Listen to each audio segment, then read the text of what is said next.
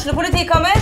Ine Jansen er purk. Er du purk? The motherfucking bitch. Alt jeg vil, er å finne ut hva som skjedde med mannen min. Jon Carew. Er jeg sikta for noe? Iben Akeli. Det er du. Ole So, Lars Berrum og Big Daddy Karsten. Hvem sin side er du på, egentlig? Anette Hoff, Tone Danielsen, Kommer du fra Afrika?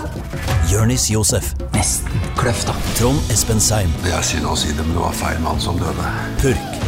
Premiere tirsdag på TV2 Play.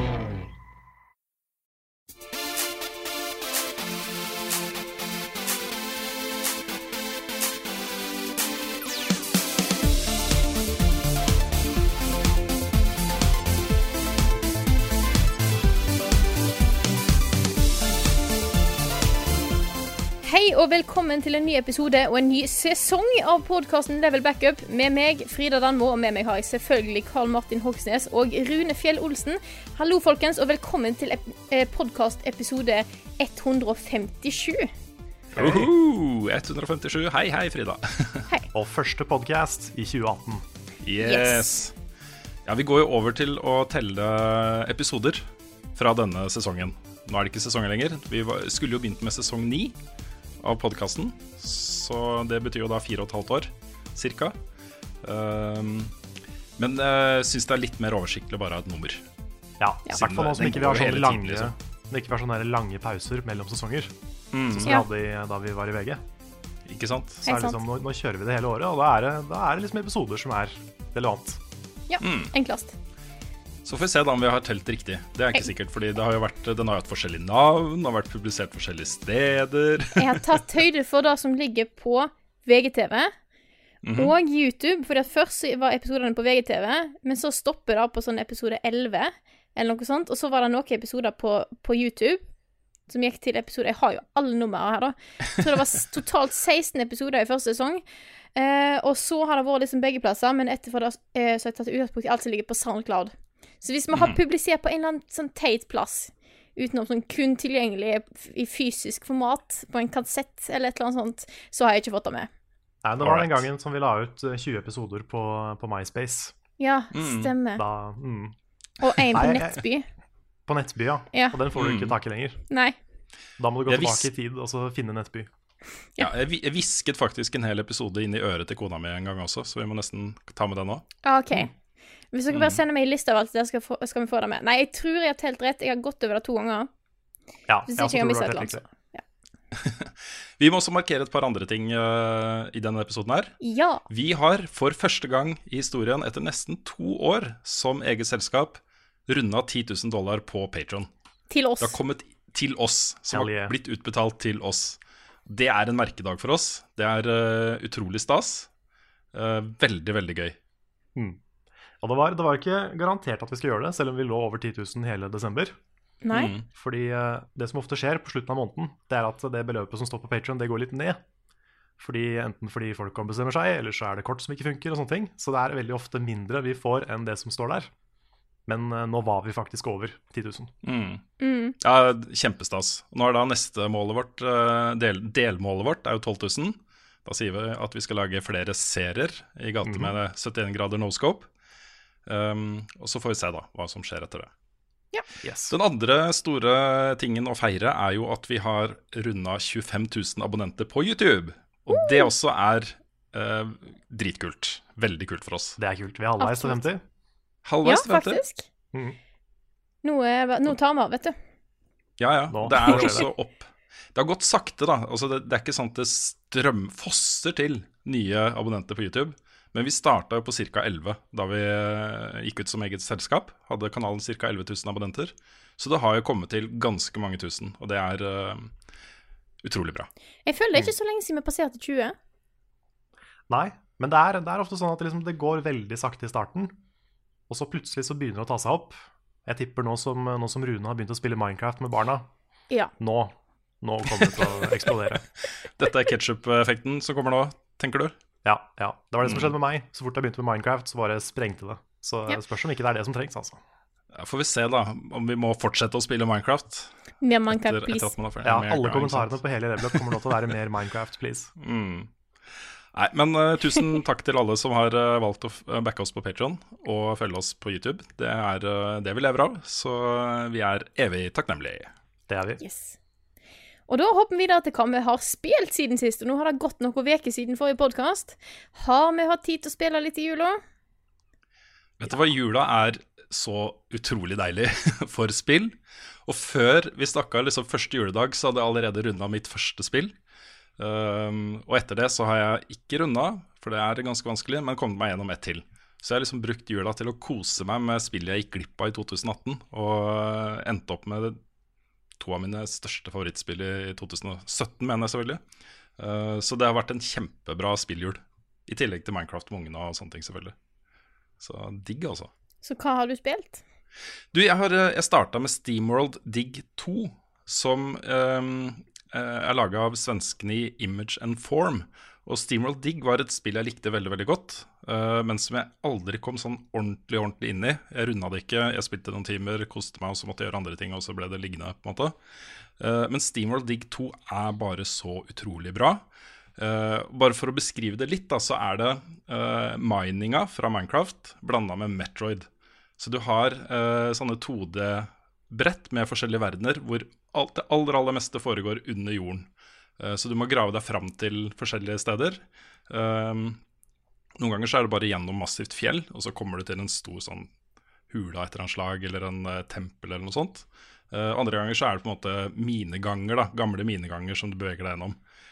For å utvinne ressurser og mineraler og sånne ting. Kjempebra. Utrolig, utrolig gøy, med bosskamper og utforsking og oppgradering av egenskaper og hele sulamitten, liksom. Uh, brukte ca. 16 timer på det også, så det er et ganske saftig spill. da. Så det var et utrolig hyggelig bekjentskap. Er det noen av dere som har testa det? Nei. Ikke testa det. Jeg har sett en del videoer fra det. Mm. Det ser ut som en litt sånn uh, krysning mellom uh, Minecraft og Metroid. Er det riktig? Ja, det var, det var akkurat det jeg sa. Så det var akkurat det, ja. det. så Jeg, jeg forsvant litt der. Men ja. Nei, men det er riktig. Mm. Enig. Det andre spillet er jo faktisk enda litt bedre. Det heter Hollow Night, og det er et spill som jeg har på en måte hatt i bakhodet gjennom hele 2017. Det kom ut i februar, tror jeg, i fjor.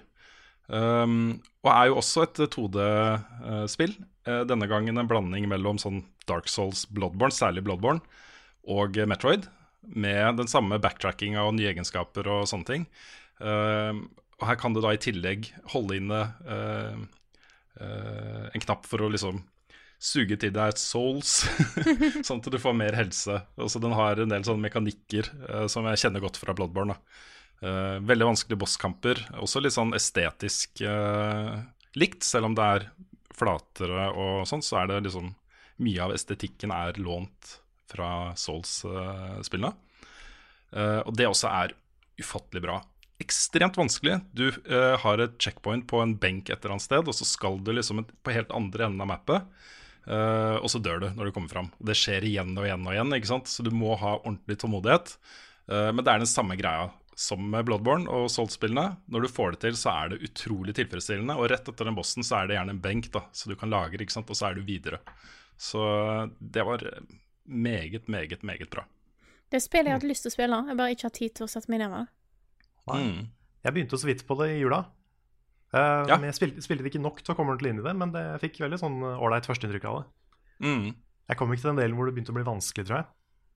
Um, Nei, for det, det er et Det går sånn stupbratt plutselig, så kommer du til Ja. en bosskamp, og da er det sånn Å, OK. det, var, det var sånn dette spillet var, ja. Ja, riktig. Så Mm. Ja, jeg har ikke Jeg fikk ikke Jeg ble ikke liksom hooked med en gang, men jeg tror det er nok et spill som kommer til å treffe meg hvis jeg bare spiller litt mer. mm. Den har også fått til litt uh, en sånn, sånn flyt som de beste Metroid-spillene har. Hvor du uh, kan velge om du skal liksom stoppe på hvert område og bekjempe alle fiender og ta til deg det du kan av penger og, uh, og souls. Jeg vet ikke hva det heter der, men det er, ja, du fyller opp en sånn ting som gjør at du kan få mer helse når du trenger det. eller du kan bare fise gjennom på vei til det målet du egentlig har. Da. Uh, og hvis du gjør det siste, så vokser det fram en sånn følelse av, st av sted. Også en, en sånn deilig følelse av å kjenne dette stedet, av å kunne navigere deg kjapt gjennom ting som er litt farlig. Litt sånn dodging av eh, prosjektiler fra fiender og andre typer feller og sånne ting. da. Uh, og det å bare fise gjennom de områdene etter at man har brukt litt tid på å grinde seg gjennom de, er utrolig tilfredsstillende, altså. Ja, det var en ting jeg håpa på, at du skulle få litt mer sånne movement abilities. Mm, det får du. Ok, kult. Det gjør det. Og det er også uh, hele områder. Eh, Noen av de um, aner jeg ikke hvordan ser ut ennå, for jeg har ikke fått den abilityen jeg trenger. Uh, men det er hele områder som er låst bak at du må ha fått den, en ny ability. Det er i tillegg et eget sånn rune-system som gir deg massevis av bonusattributter. Eh, hvor du hele tiden må liksom prioritere, for du har i utgangspunktet tre slots, og så kan du kjøpe flere slots etter hvert. da.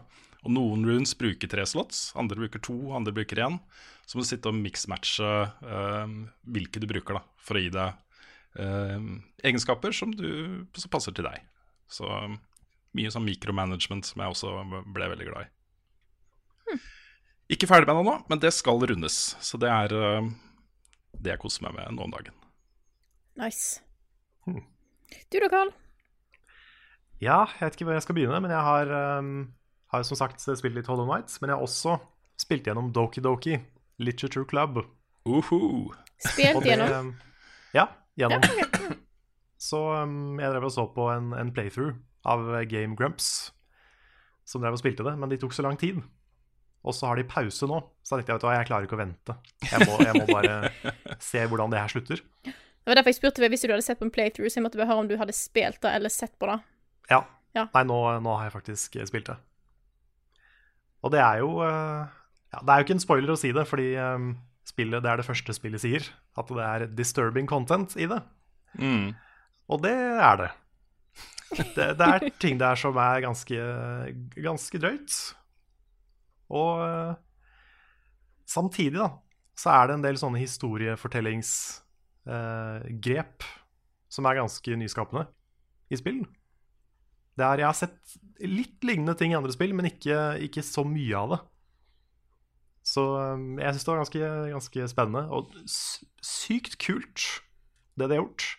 Så digger jeg at det er gratis. Jeg digger at de Mm. bruker såpass lang tid på å komme til de delene. Så uh, hvis du starter på spillet og lurer på hvorfor du sitter der og spiller et uh, datingspill med, med anime girls, så fortsett å spille det litt til, og så, og så se hva, det, hva som skjer. Da du Det har turt å spille, gir jo meg Jeg turte egentlig tror- ikke å spille det, men jeg var too, too far. too far. OK. Ja, så jeg kunne ikke stoppe. Men det var, det var, det var ubehagelig, liksom. Jeg er, jeg er ikke så veldig glad i en skrekk og sånn. Men, men det, det, ja. Jeg må få gjort det, altså. Jeg må det. Me too. Mm. Det sto jo på lista mi for jula. Jeg hadde tenkt å spille det, men så ble jeg så oppslukt av disse, disse to andre spillene, så jeg kom, ikke, jeg kom ikke så langt, dessverre. Nei. Hvis noen er nysgjerrig, så går det altså an å se anmeldelsen til Nick, som ble publisert eh, rett før vi starta inn nå. Hvor han, eh, han også ganske spoilerfritt går gjennom eh, litt av det som er kult med det spillet. Mm. Nice. Og så har jeg får også, og så har jeg også spilt litt uh, PubG. PUBG. Litt sånn eh, solo. Eh, ikke spilte så mye sammen med folk utenom på stream på onsdag. Men eh, spilte det litt aleine. Og jeg blir jo ikke god i det spillet. det går ikke. Det er sånn, uansett. Når jeg ser et annet menneske, så dør jeg. Mm. Hver gang. Jeg har kanskje fått liksom i løpet av si 15 games, så har jeg fått kanskje fire kills. Så jeg er ikke god. Og det er liksom, jeg føler ikke at jeg blir bedre. Fordi jeg, jeg får jo aldri skutt noe, Mm. på en måte. Hvis jeg, hvis jeg gjør det, så bare OK, det er sånn den gunnen her funker, og så er jeg død. Og så finner jeg ikke den pistolen igjen. Så må jeg lære meg et nytt våpen, og så klarer jeg ikke det. Og så skjønner jeg ikke helt hvor jeg må sikte. Langt unna for å treffe. Fordi du skal ifølge Jeg lærte jo litt på stream i går at, vi, at du, må, du må sikte litt over huene til folk. Og så litt fram hvis de løper. Sånn at liksom, For du må tenke på hvor fort kula Altså, det er sånne ting. Hvor sikter du fram? Nei, altså sikte litt fram i tid, på en måte. Å, sånn, ja. Fordi at Ja. Ja, OK. Mm. Så et sånne ting er sånn Jeg skjønner det, men jeg klarer ikke å tenke så fort og gjøre alle de tinga. Jeg er jo dårlig i skytespill til å begynne med. Og når det er såpass mye mechanics, så eh, henger jeg litt etter. Dette er jo eh, et spill jeg ikke hadde spilt. Vi spilte det på stream på onsdag. Jeg hadde jo ikke da spilt det siden vi spilte det på Kilden i august. Eh, og det er jo utrolig deilig å se det komme ut av Early Access og være et ferdig spill. Det hadde skjedd ganske mye med spillet. Det føltes uh, mye mer ferdig. Uh, og det, det fløt mye bedre, og ikke minst var det innmari kult med et helt nytt map også. Dette er jo et spill vi egentlig bør anmelde nå, er det ikke det, Karl? Og Frida? Jo. Nå er det ute. Nå Jo, vi- kan vi kalle er Early. Access, kan ikke anmelde det lenger. Nei, så eh, vi får sette noen på det. Kanskje Nick er mest aktuelt, i og med at han, han Han har spilt kan det mest. Ja. Mm. Det er ikke noe tvil om hvem av oss som er best i PUBG. Nei, Så Nei, det er det ikke. det er Spørs om meg. ikke Ja.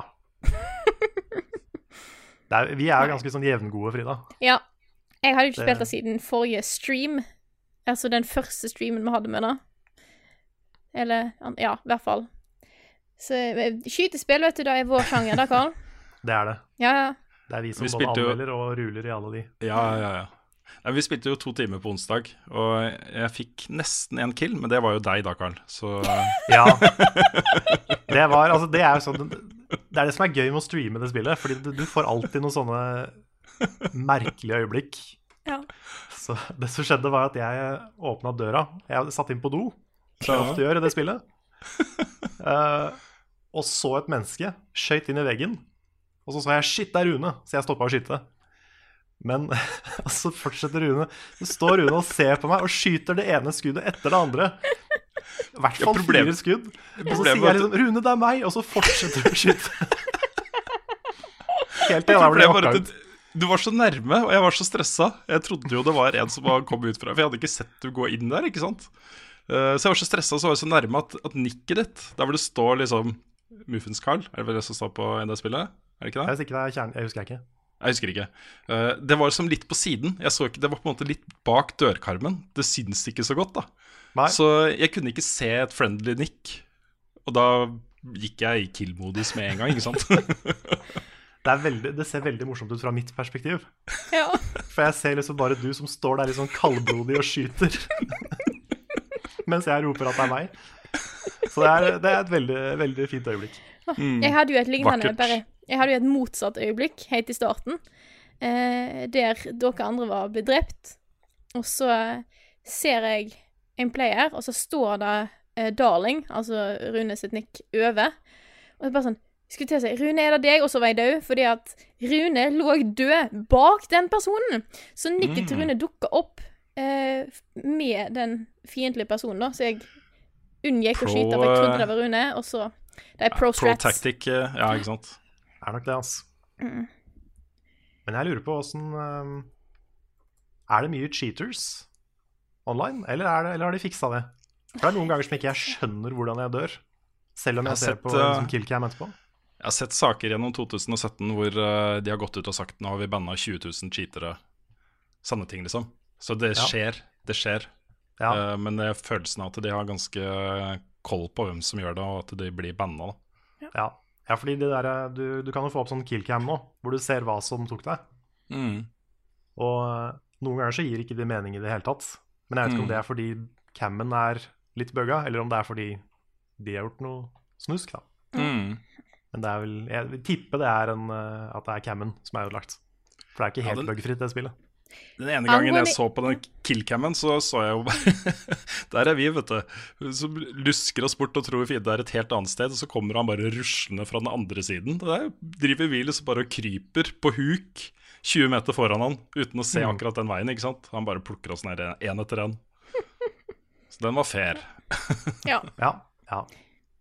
Men angående litt bugs og sånn, for at eh, Rune, du sier at det er veldig smooth og sånn nå som det har kommet ut. Det har jo òg kommet ut på Xbox, Mm. og der er det jo helt krise. Det er det, ja. ja. ja det har jeg hørt. Det er Frameraten er kjempedårlig, og ting laster jo ikke inn. Så du kan gå inn i et hus og bare sånn Her skal det være ei trapp, men trappa har ikke lasta inn ennå. All right. Så det er ganske, ganske bad. Så da håper jeg at de Mm. fikser. Mm. Ja, de må gjøre ting på. der. En, en ting jeg tenkte litt på, um, litt sånn apropos den diskusjonen vi hadde om uh, visuell stil til årets spill, Mm. Så PUBG er jo et spill som så å si ikke har en visuell stil. Ja, det er liksom bare Det er sant, Det det. skal bare være sånn, da. Mm. Sånn, ja, Det er liksom bare, De prøver å gå for en slags realisme, og så har de bare Mm. lagt seg på det. absolutt. Mm. Det har vært litt kult å se. Nå er jo Fortnite sikkert på mange måter det, da. Men det har vært kult å se liksom, de faktisk gå for en stil. Mm. Ja, Fortnite har vel kanskje gjort det der, vil jeg si. Ja, jeg tenker at uh, PubG må passe seg litt for Fortnite òg, altså, og eventuelt andre uh, kommende konkurrenter. For Fortnite gjør mye fett nå. Uh, rett før jul så hadde de en sånn 50 mot 50 Battle Royale som et special event. Hvor det var last man standing der også, men det var to lag på 50 da, som kjempa mot hverandre. og nå kommer de med et, en egen special event hvor, hvor alle har sånn støy, støydempa våpen. Uh, og uh, utvida muligheter til å drive med disguises og forkledninger og gjemme seg i busker og sånne ting. da. Det, de eksperimenterer mye med den sjangeren, og det, det tror jeg de tjener ganske greit på.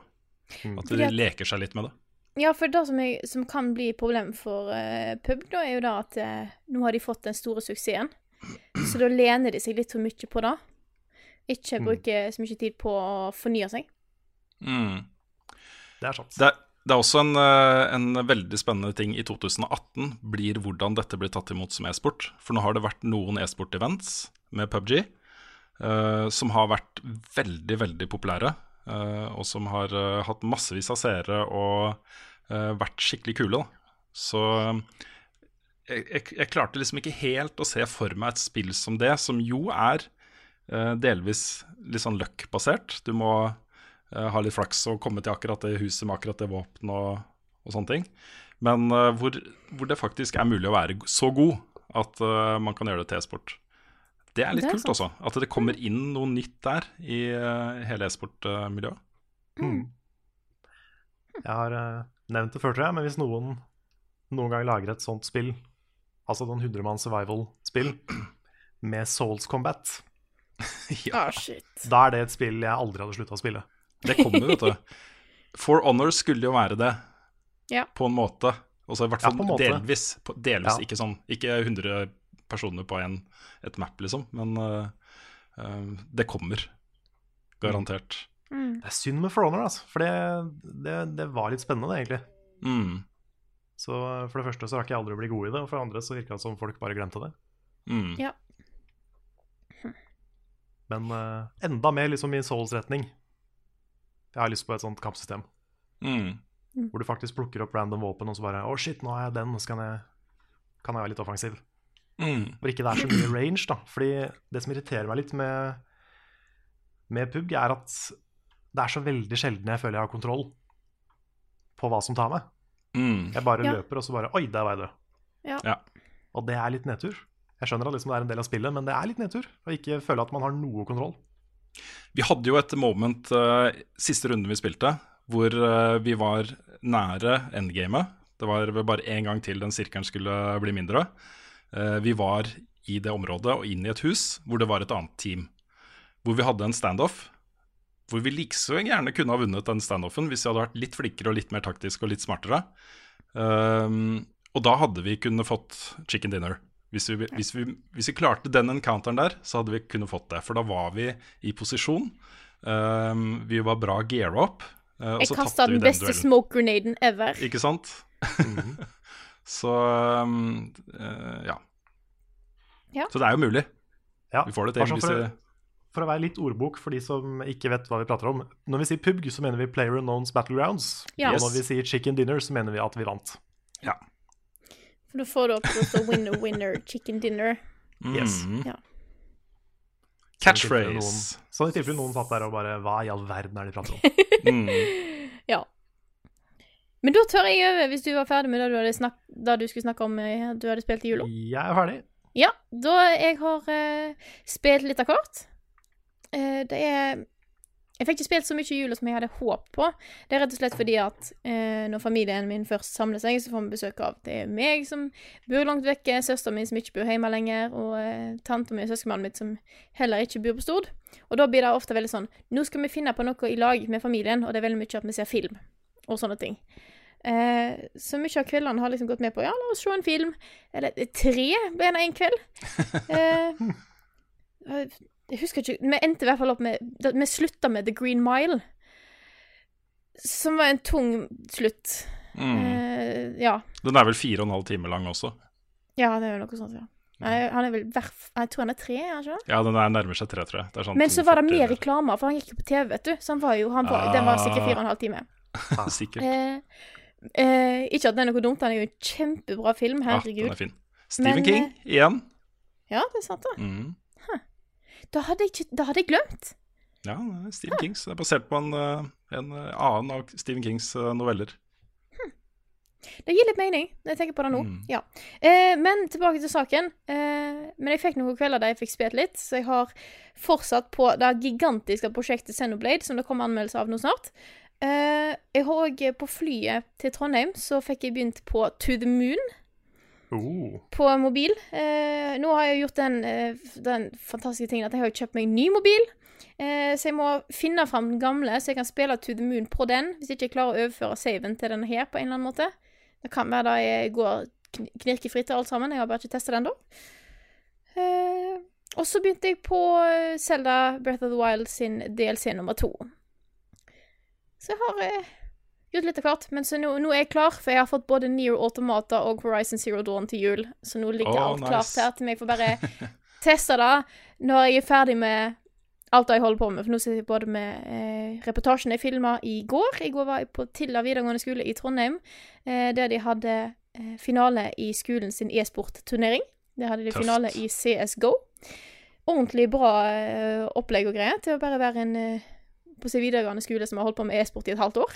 Mm. Så der kommer det reportasje, og så kommer det fra seerne nå i løpet av helga, og så kommer det to anmeldelser, og så, vet du Da skal jeg få spilt resten. Kult. Yes. Jeg har, jeg har et spill jeg har lyst til å legge til, som jeg glemte i stad. Ja. Uh, som jeg bare vil nevne kjapt. Det er et uh, mobilspill som heter uh, Gorogoa, eller Gorogoa, eller hvordan man uttaler det. Det er jeg litt usikker på. Gorogoa skrives det. Jeg tror kanskje det er ute på Steam også. eh, og det er et uh, puzzle-spill som er utrolig vakkert. eh, og veldig utfordrende, på en god måte. Så det var en sånn bekjentskap jeg fikk nå i jula. Det kom rett før jul. Flere som tipsa om at jeg burde spille og det gjorde jeg, og det var kjempebra. Så et lite mobilspilltips på tampen der. Nice. Og mens vi er inne på puslespill til eh, mobil, så kan vi snakke om det som jeg hadde lyst til å spille nå når jeg fikk min nye telefon. Fordi at jeg eh, prøvde jo å laste ned The Witness på min gamle LG G3, eh, og fikk ikke den opp. Jeg fikk beskjed om at, jeg, eh, at det ikke støtt, var ikke støtta til, eh, til mobilen min. Tenkte jeg OK, telefonen min er tre og et halvt år gammel. Kanskje han er for gammel. Tenkte jeg nå, ny telefon. LG G6 er gått opp tre hakk. Dette må jo være bra nok. Får ikke lov til å laste den ned. Tenker jeg, hva er dette her for noe? Så viser det seg at ja, The Witness er ute på Android. Til Nvidia Shield. Bare det, eller? Oh. Eksklusivt. Å ja. oi. Så t- hvis folka bak The Witness hører på dette her, hva er dette her for noe? La meg Hurra spille for The åpen Witness. plattform. Jeg trenger å spille The Witness på en enhet som ikke er datamaskinen min. Og jeg kan ikke kjøpe meg iPhone. Altså, det blir for dumt. Fiks. Kom igjen, please. Sett det på en T-skjorte. Kan ikke kjøpe iPhone, det blir for dumt. Ja. Ja. Der går grensa. Ja. Årets første anbefaling kommer fra Karl.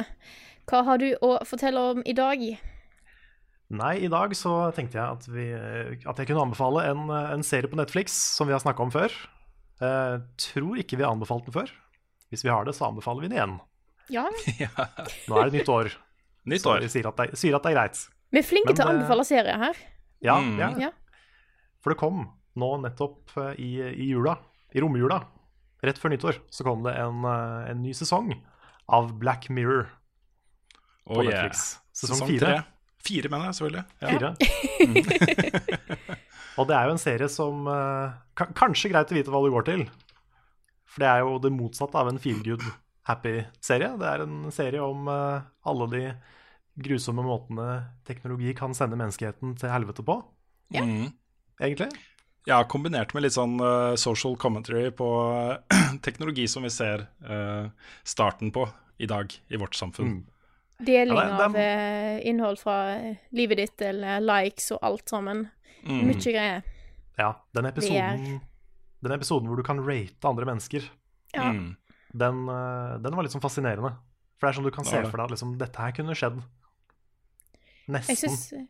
jeg husker alltid eh, når jeg så eh, Når jeg så første, og egentlig andre sesong òg I hvert fall, jeg husker det som jeg likte best med serien, er at det er alltid sånn OK For sta, alt starter så normalt. Mm. Det kunne like godt vært filma i, i morgen, liksom. Mm. Eh, og så bare venter du. Hva er det som er catchen? Hva Ja, er det som, hva er det som går liksom? til helvete her? Ja, ja. akkurat den der følelsen bare sånn hva, hvor, hvor er det ting går galt? Hva er det som skurrer? Utrolig stilig serie. Mm. Mm. Ja, sesong fire også er veldig bra. Nå har jeg bare sett fire av fem episoder, så jeg har ikke sett eh, den siste ennå. Er, er det ikke seks episoder? Ja, ok, fire av seks har jeg sett. Jeg har sett fire episoder. Eh, Ok. Men de fire episodene har vært veldig bra. Eh, det er liksom Det er ikke alle episodene som er like bra, liksom. Noen av de er fantastiske, eh, også udødelige, mens andre er kanskje bare interessante. Eh, men den er aldri kjedelig. Uansett liksom hvilket tema som tas opp og uh, hvilken episode det er, så er den aldri kjedelig. Og den, er, den gir liksom rom for ettertanke og uh, diskusjoner rundt fremtiden vår og masse sånne ting. da Så eh, veldig glad i den serien. altså Mm. Mm. Og det er jo eh, det er bare standalone-historier. Hver episode Mm. er en ny historie. Uh, hopper veldig mye fram og tilbake i tid. Noen ganger så er det nesten nåtid, andre ganger så er det langt ut i liksom postapokalypse og sånne ting. Mm. Så du får jo mye forskjellig. Så det er ikke noe problem å hoppe rett inn i sesong fire hvis du ikke har sett de første tre. Anbefales likevel å se de første tre, fordi at det er, det er fantastiske episoder. Mm. Ja, Den første, da. Den Ja. aller første episoden. Jeg syns Ja, fortsatt ikke den er er- overgått, altså. Jeg syns det er den beste. Ja, jeg vet ikke hva jeg syns er den beste. er. Jeg likte veldig godt den fjerde fra denne sesongen her. Mm. Um, den som handler om datingapps. Ja, den var eh, innmari bra, den også. Den likte jeg veldig godt. Jeg har den eh, julespesialen. Uh, den der folk kan lage digitale kopier av seg sjøl og trappe de i Ja. små datamaskiner. Mm. Mm. Som den som var verst. Og derfor òg litt best, på en måte. ja. Ja. Det er vanskelig å er, Ja. mm, Jeg tror episode tre av denne sesongen her, den, den fucka meg opp litt. Merka jeg. Så det er, Gleder meg til å sitte mer hjemme med dette her. Jeg har ikke gjort det ennå. Fordel- Nei, fordelen med å begynne nå, det er at du kan du har hele 2018 på deg til å komme over det du har sett. Mm. Ja, det er sant. Så det kan du ta deg god tid til å bare Ja. lande igjen. Hyggelig. Mm. Så eh, Nei, den, den, den anbefales. Det er ikke noe hyggelig å se på, men det er ganske interessant. Det er en veldig bra serie. Veldig sånn eh, til ettertanke. Litt samfunnskritikk, litt forskjellig. Sånn sett en litt viktig serie, egentlig, for å vise hvor teknologien kan ta oss. Årets første nyheter får du nå presentert av Rune Kjøper. All right. Vi får begynne med en liten sensasjonssak. Vi skal grafse litt i privatlivet til folk. Jeg ser her at den 25. desember kjøpte en som kaller seg Muffins Carl, Eurotruck Simulator 2 på Steam. Hva ja. Er Nei, ditt forsvar, Carl? Jeg, jeg kjøpte Vet du hva, det, det, det kan jeg forsvare ganske lett. Det var, eh, det var julegaven min fra Bjørn. Å ja, kult. Så det, han, han kjøpte det til meg. og jeg Han tok kjøpte det til deg, ja. Så, Nettopp. mm, Greit. Skal vi ta litt ekte nyheter, kanskje? det, det kan være. Det kan Nei, kanskje vi bærer sånt. Ja, det hadde nei, vært morsomt. Nei, for det har, ikke skjedd, det har ikke skjedd så mye. Dette er uh, litt sånn eh, stilleperiode. Alle de store pressekonferansene og mestene og awardshowene og sånt har vært. Uh, utgiverne driver og lader opp til nye event som kommer senere i vinter og sånne ting, så det skjer ikke så fryktelig mye. Men uh, vi kan jo ta det lille som jeg har uh, funnet det verdt å snakke om. Det ene er en sak som eh, jeg ser diskuteres ganske heftig i sosiale medier om dagen, også på Level Up Community. Eh, og det er at Verdens helseorganisasjon eh, har nå foreslått at spillavhengighet eh, skal være en diagnose. Og de foreslår å dele den i to. enten farlig spilling eller lidelse knyttet til spilling. Uh, dette har jo vært en diskusjon som har gått i, uh, blant helsepersonell og i helsemyndigheter over hele verden, egentlig, også i Norge, uh, ganske lenge. Men spørsmålet er jo kanskje hva vi syns om det? Bør det være en, eh, en diagnose? Alt Hvis det blir for mye av en ting, så er det jo ikke bra. Og det gjelder jo òg spilling. Hvis en har eh, Hvis det kommer til det punktet ikke sånn eh, som er normalt, da, for at det er litt sånn Ja, jeg vil kalle meg litt sånn spillavhengig i den graden at jeg, jeg liker å spille. Jeg vil helst ikke være uten muligheten til å drive med gaming. Men du har jo de som gjør det eh, til den graden at det ødelegger for eh, sin egen helse, ødelegger for jobb og skole og alt. Og da er det jo Da er det jo ikke bra for en person lenger. Da er det jo på det punktet at det faktisk burde tas tak i. Fordi at det er jo det er jo litt sånn som andre typer spillavhengighet, hvis du da kaller altså gambling og sånne ting. Eh, hvis det begynner å gå utover en sjøl og sin egen helse og alt sånne ting, så er jeg enig i at det kanskje bør klassifiseres som en, som en diagnose. Mm. Jeg er litt eh, enig. Også, jeg har vært på et par konferanser nå. En arrangert av Medietilsynet og en arrangert av, eh, av eh, ja, helsepersonell på Østlandet. Jeg husker ikke hva det heter. Det er en sånn organisasjon som møtes en gang i året. Jeg skal holde et innlegg der også. Jeg gjorde det i fjor, og skal holde et nytt innlegg nå i slutten av januar, begynnelsen av februar, hvis jeg ikke husker helt feil. Um, hvor de da diskuterer disse tingene. Hva gjør jeg med uh, pasienter som kommer inn og sier at de er spillavhengige og trenger hjelp til å slutte å spille så mye? Um, dette er et, et reelt problem for noen. Uh, og det som uh, begge disse partene sier, Medietilsynet og de foredragsholderne de har henta inn på sine konferanser, og sånt, er jo at dette gjelder svært, svært få av de som faktisk spiller. Vi snakker liksom 1% 1,5% litt varierende fra land til land og, og sted til sted, og år til år. Men uh, det er veldig få mennesker, men de trenger jo spesialisert hjelp, tenker jeg. Og så er, har du kommet til det punktet hvor du ikke klarer å slutte å spille, selv om du vet du må, selv om du er i ferd med å miste jobben og kjerringa og bikkja og ungen og hele pakka, liksom, eh, og trenger hjelp, så bør du jo få skreddersydd behandling for, for ditt problem. Og det gjelder jo alle andre lidelser, alle andre eh, avhengighetsforhold til narkotiske stoffer, alkohol, gambling eh, osv. Så, videre. så har man jo eh, spesialkompetanse på det når man skal få behandling. Da tenker jeg at det bør man jo ha når det gjelder spill også. Ja, og med en gang det er da diagnosert som Eller klassifisert som en diagnose, så vil det bli satt fokus på det. Det vil bli Mm. satt fokus på at folk, skal, folk innen helsevesenet får utdanningen eh, som trengs for å kunne hjelpe de som sliter med det. Mm. Så sånn sett så er det, vil jeg si det er en veldig god ting. Det som jo er faren, da, det er jo at man, eh, man utvider begrepet eh, til å gjelde de som kanskje har Hvor, hvor problemspillinga er et symptom på noe annet, ikke sant? Hvor Ja. uh, kanskje de spiller mye fordi de blir mobba, mobba på skolen, eller fordi de blir misbrukt i hjemmet, eller Altså det er andre ting som de bør behandle, ikke sant? Så det er jo litt faren, at man, uh, at man skjærer da alle som har dette problemet over én kam og sier at ja, dere er én boks, liksom. Du kan ikke behandle spillavhengighet hvis du blir mobba på skolen, liksom. Da må du jo sørge for å gjøre noe med det, ikke sant? Ja, og så, og så er det de som tolker det her litt sånn som at nå sier Norge at spillet er farlig. Mm. Uh, jeg tror ikke det er der det her kommer fra. Nei.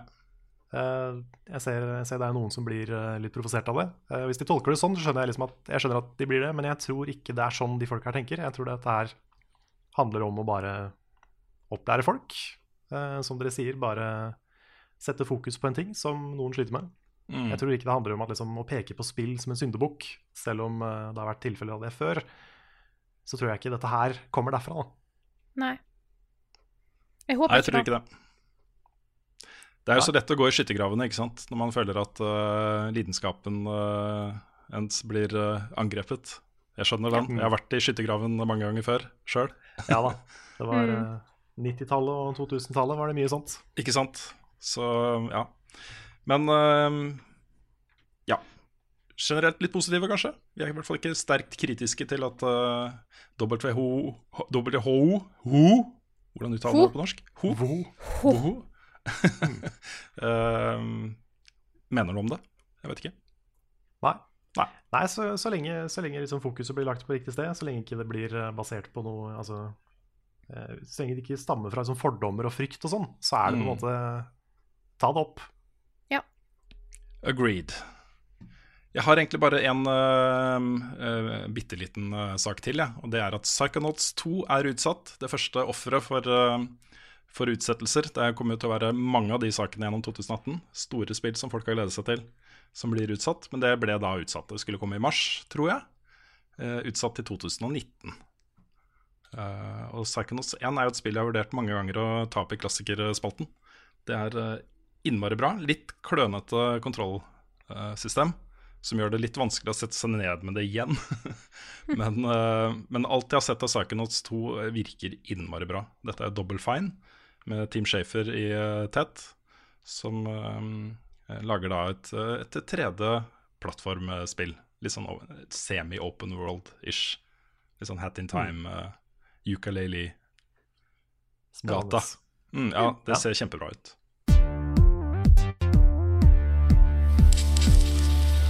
Nå i 2018 har vi òg tenkt å fortsette med ukens spørsmål, så derfor kjører vi i gang med ukens spørsmål.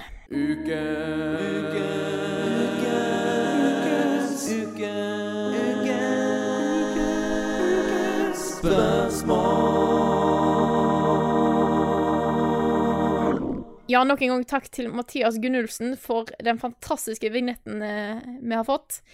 Eh, ukens spørsmål er et spørsmål som har kommet inn fra veldig mange eh, denne uka her. Eh, det er kanskje ikke overraskende, men vi har trukket ut én heldig person som uh, får lov til å stille spørsmålet, eh, spørsmålet, og da er Helene Theodorsen som spør hvilke spill ser dere mest fram til i 2018? Så vi har tenkt å ta ei topp fem spill i 2018-lista. Mm, det var litt Klar. funny, da, fordi, fordi um, jeg nevnte vel det for noen par-tre dager siden. Hjemmelekse, folkens. Lage topp fem 2018. Hvis Ja. noen spør om det, så kan vi ta det som ukens spørsmål. Da var det mange som Ja. spurte om det. Så det var jo Så da ordner seg. mm. Hvem har lyst til å begynne? Jeg har gjort litt mer enn å bare lage en topp fem, så jeg lurer på kanskje, jeg, kanskje skal jeg begynne? Bør jeg bør jeg gjøre Ja. det da? Okay. Fordi eh, det er vanskelig å lage en, en, bare en topp fem. Uh, så jeg har lagd litt kategorier før jeg kommer til min topp fem-liste. Uh, og håper det er greit. Er det innafor? Innafor? Greit? Ja da. Ok. det er innafor. Jeg har laga en liten liste med spill som normalt sett ville vært kanskje kandidater da, til min topp fem-liste, men som jeg nekter å tro kommer i 2018. Det er spill som har blitt annonsert, eh, men som ikke har fått dato, og som jeg bare antar kommer litt seinere. Så bare for å få de ut av veien, at ingen spør hva med, hva med, hva med, så er de på denne lista. Kommer trolig ikke i 2018.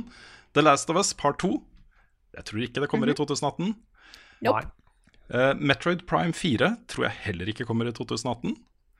Nope. Eh, Cyberpunk 2077, eh, det nye spillet til Witcher-skaperne. Ikke 2018 for meg, det heller. Eh, Death Stranding. Nekter å tro det.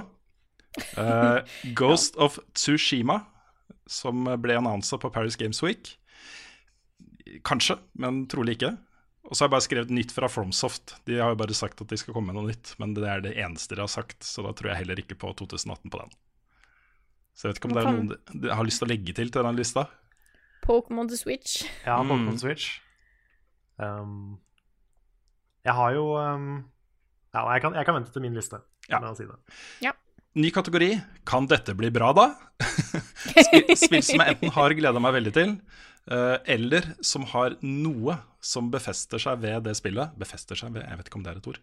Eh, som, Befesta seg. ja, som er, det, det er noe med det spillet som gjør at jeg er veldig forsiktig med å glede meg. Eh, og på den lista så har jeg Anthem, som kommer da i kjølvannet av eh, Star Wars Battlefront 2-fadesen, med loot, lootboxes og mikrotransaksjonshelvete. Um, vet ikke. Det er jo så, mange som har snakka om når det gjelder Star Wars Battlefront 2, at uh, problemet der er jo at hele spillet, progresjonssystemet, er designa rundt disse lootboxene som alle hater. ikke sant? Hva gjør man da? da må man jo på en måte Ja, så her tipper jeg uh, det enten uh, gjøres noen forsøk på å liksom For her har systemet garantert vært likt, ganske likt som Battlefront 2, det tror jeg. Så jeg tror de nå enten prøver å modifisere det litt, justere det litt ned, eller gjøre en liten redesign av progresjonssystemet i spillet. Så vi får se. Eh, kanskje.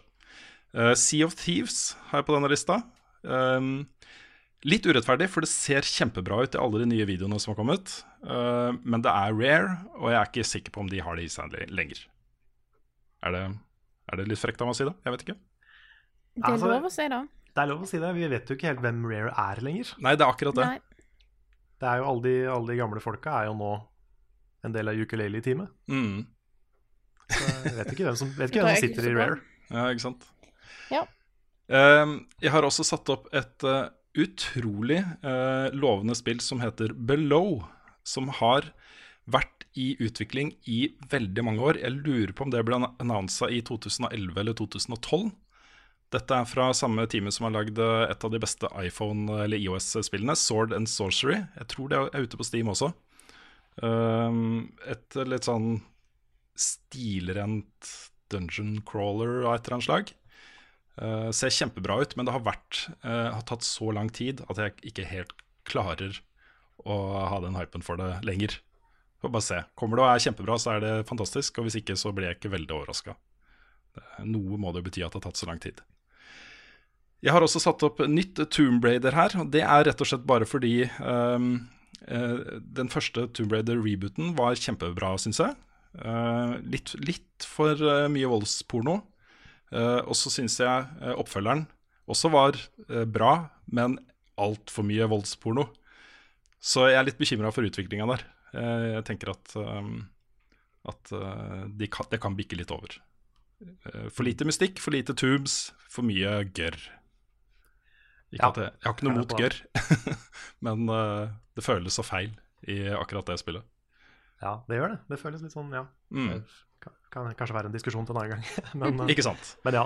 Jeg har også eh, er satt opp tre norske spill det er verdt å glede seg til i, i eh, 2018. Og jeg satte de opp eh, på en egen liste fordi jeg ikke klarte å få plass til de på min topp fem-liste. Dette er en personlig topp fem-liste, ikke sant? Det ene er Moons of Madness fra Rock Pocket, som er et eh, sci-fi skrekkspill.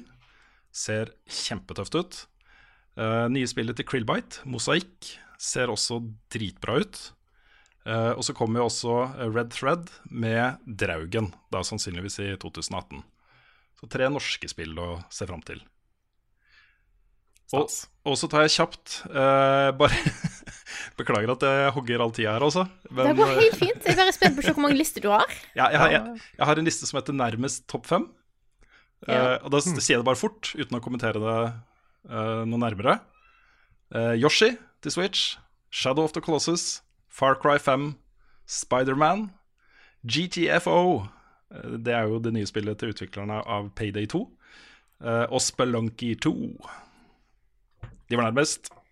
Og da blir det altså min topp fem. På femteplass Travis Strikes Again, No More Heroes til Switch. Yes. Yes. Ja. ja nei, men Jeg er veldig glad i de to eh, No More Heroes-spillene til, eh, til Wii. Eh, de var dritbra. veldig sære, veldig annerledes, veldig kule. forfriskende. På fjerdeplass har jeg A Way Out, nye spillet til Josef Fares. Eh, han har liksom en egen, egen greie med å se spillmedier med helt nye øyne. Eh, det var veldig, veldig deilig i Brothers. Jeg tror og håper at han klarer det samme igjen med A Way Out. På tredjeplass så klarer han sikkert å, å fucke the Oscars. Fuck the Oscars. På tredjeplass, eh, nå kommer da endelig eh, det siste kapitlet i eh, episodespillet Kentucky Route Zero. Det kommer nå i januar-februar. Eh, det femte og siste kapitlet. Og jeg har venta med å spille det til jeg var ute, for det tok så innmari lang tid mellom de forskjellige eh, episodene at jeg tenkte, vet du hva, det, jeg klarer ikke å holde oppmerksomheten min oppe rundt det spillet her så lenge. Jeg må bare vente. Så nå kommer hele greia. Det kommer også som en egen samlepakke til konsoller og PC. Um, hvor alle fem episodene pluss alt bonusmateriale og sånt er inkludert. Så verdt å merke seg. Og så har jeg to uh, kanoner. Uh, minst Triple A, kanskje femdobbelt A eller noe sånt også. Uh, på andreplass God of War. Og på førsteplass Red Dead Redemption 2. Takk for meg. All right. Applaus. Ja, det var, siden han sa takk for meg, så tenkte jeg at da eh, var det nødvendig med en liten applaus. Mm. Ja. Jeg har jo Hvem av oss skal ta over, eh, Frida? Hæ? Vær så Hvem av oss skal ta over? Vær så god. Ok. Ok. Ja. da har jeg også en, eh, en liste over topp eh, episodiske eh, spill som kommer Nei da, jeg, skal, jeg, har, jeg har fem honorable mentions. Ja. Så jeg har min topp fem. Mm. Er det lov? Ja, jeg har akkurat gjort det, så det må jo være lov for deg òg. Ja, da, da er det lov for meg òg. Så mine, mine fem runner-ups, eller runners-up, hva heter det? Det er ikke så farlig. Runner-ups eller runners-up. Ta, ta det du syns er mest riktig. Ja. Eh, der har jeg Bloodstained, Ritual of the Night, fra skaperen av eh, Castlevania. Det er kanskje aller mest en slags eh, spirituell oppfølger til Symphony of the Night. som ser veldig kult ut. Kickstarter-spill. Så har jeg Project Octopath Traveler fra Square Enix, som er en slags moderne 3D-versjon av 2D pixel RPGs. Det er vanskelig å forklare hva det er for noe, men du må nesten bare se traileren, for det ser ganske kult ut. Det er liksom en Kanskje sammenligne det litt med sånn Paper Mario-opplegg, at det er 2D lagt i en 3D-verden, på en måte.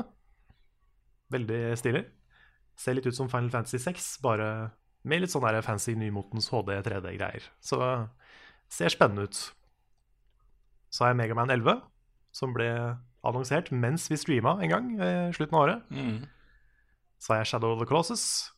Og så har jeg The Wolf of Us 2, som også kommer. Eh, mest sannsynlig i år. Mm. Fra Telltale. Og så kommer topp fem.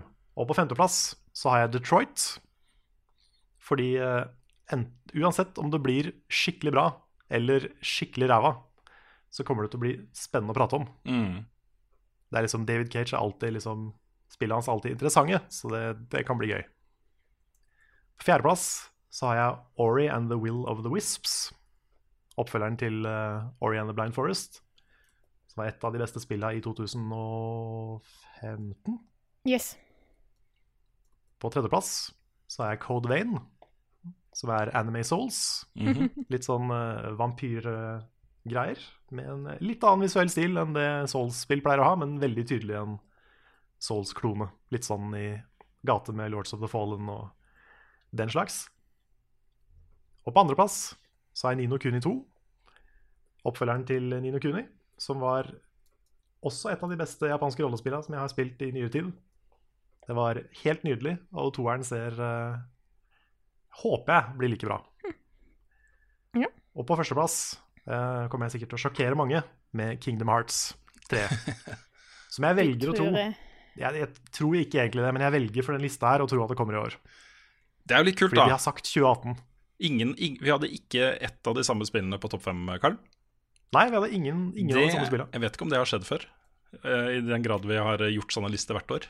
Men uh, Nei, jeg, det er ikke sikkert det har skjedd før. jeg tror ikke det. Så det er, det er mange spill å glede seg til. Uansett Yes. hvem du er. Jeg har noen uh, spill her på lista som ikke har blitt nevnt ennå, men det er jo litt umulig å bare finne helt nye nå, eh, siden dere har nevnt en del av de. Men jeg har Jeg har på en måte tre lister. Jeg har runner-ups, og så har jeg topp fem, og så har jeg en til. Ok. Eh, så vi tar det i den rekkefølgen.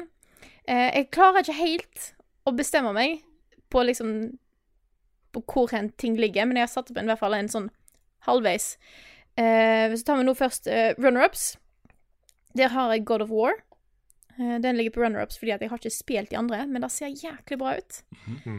Eh, jeg har òg Yoshi til Switch. Detroit Become Human står her rett og slett fordi at det kan gå begge veier. Så jeg tør ikke helt å sette den på topp fem. Jeg har òg Nino Kuni 2. Og da er av den grunnen at jeg aldri ble ferdig med det første. Det datt jeg av og kom jeg ikke inn igjen.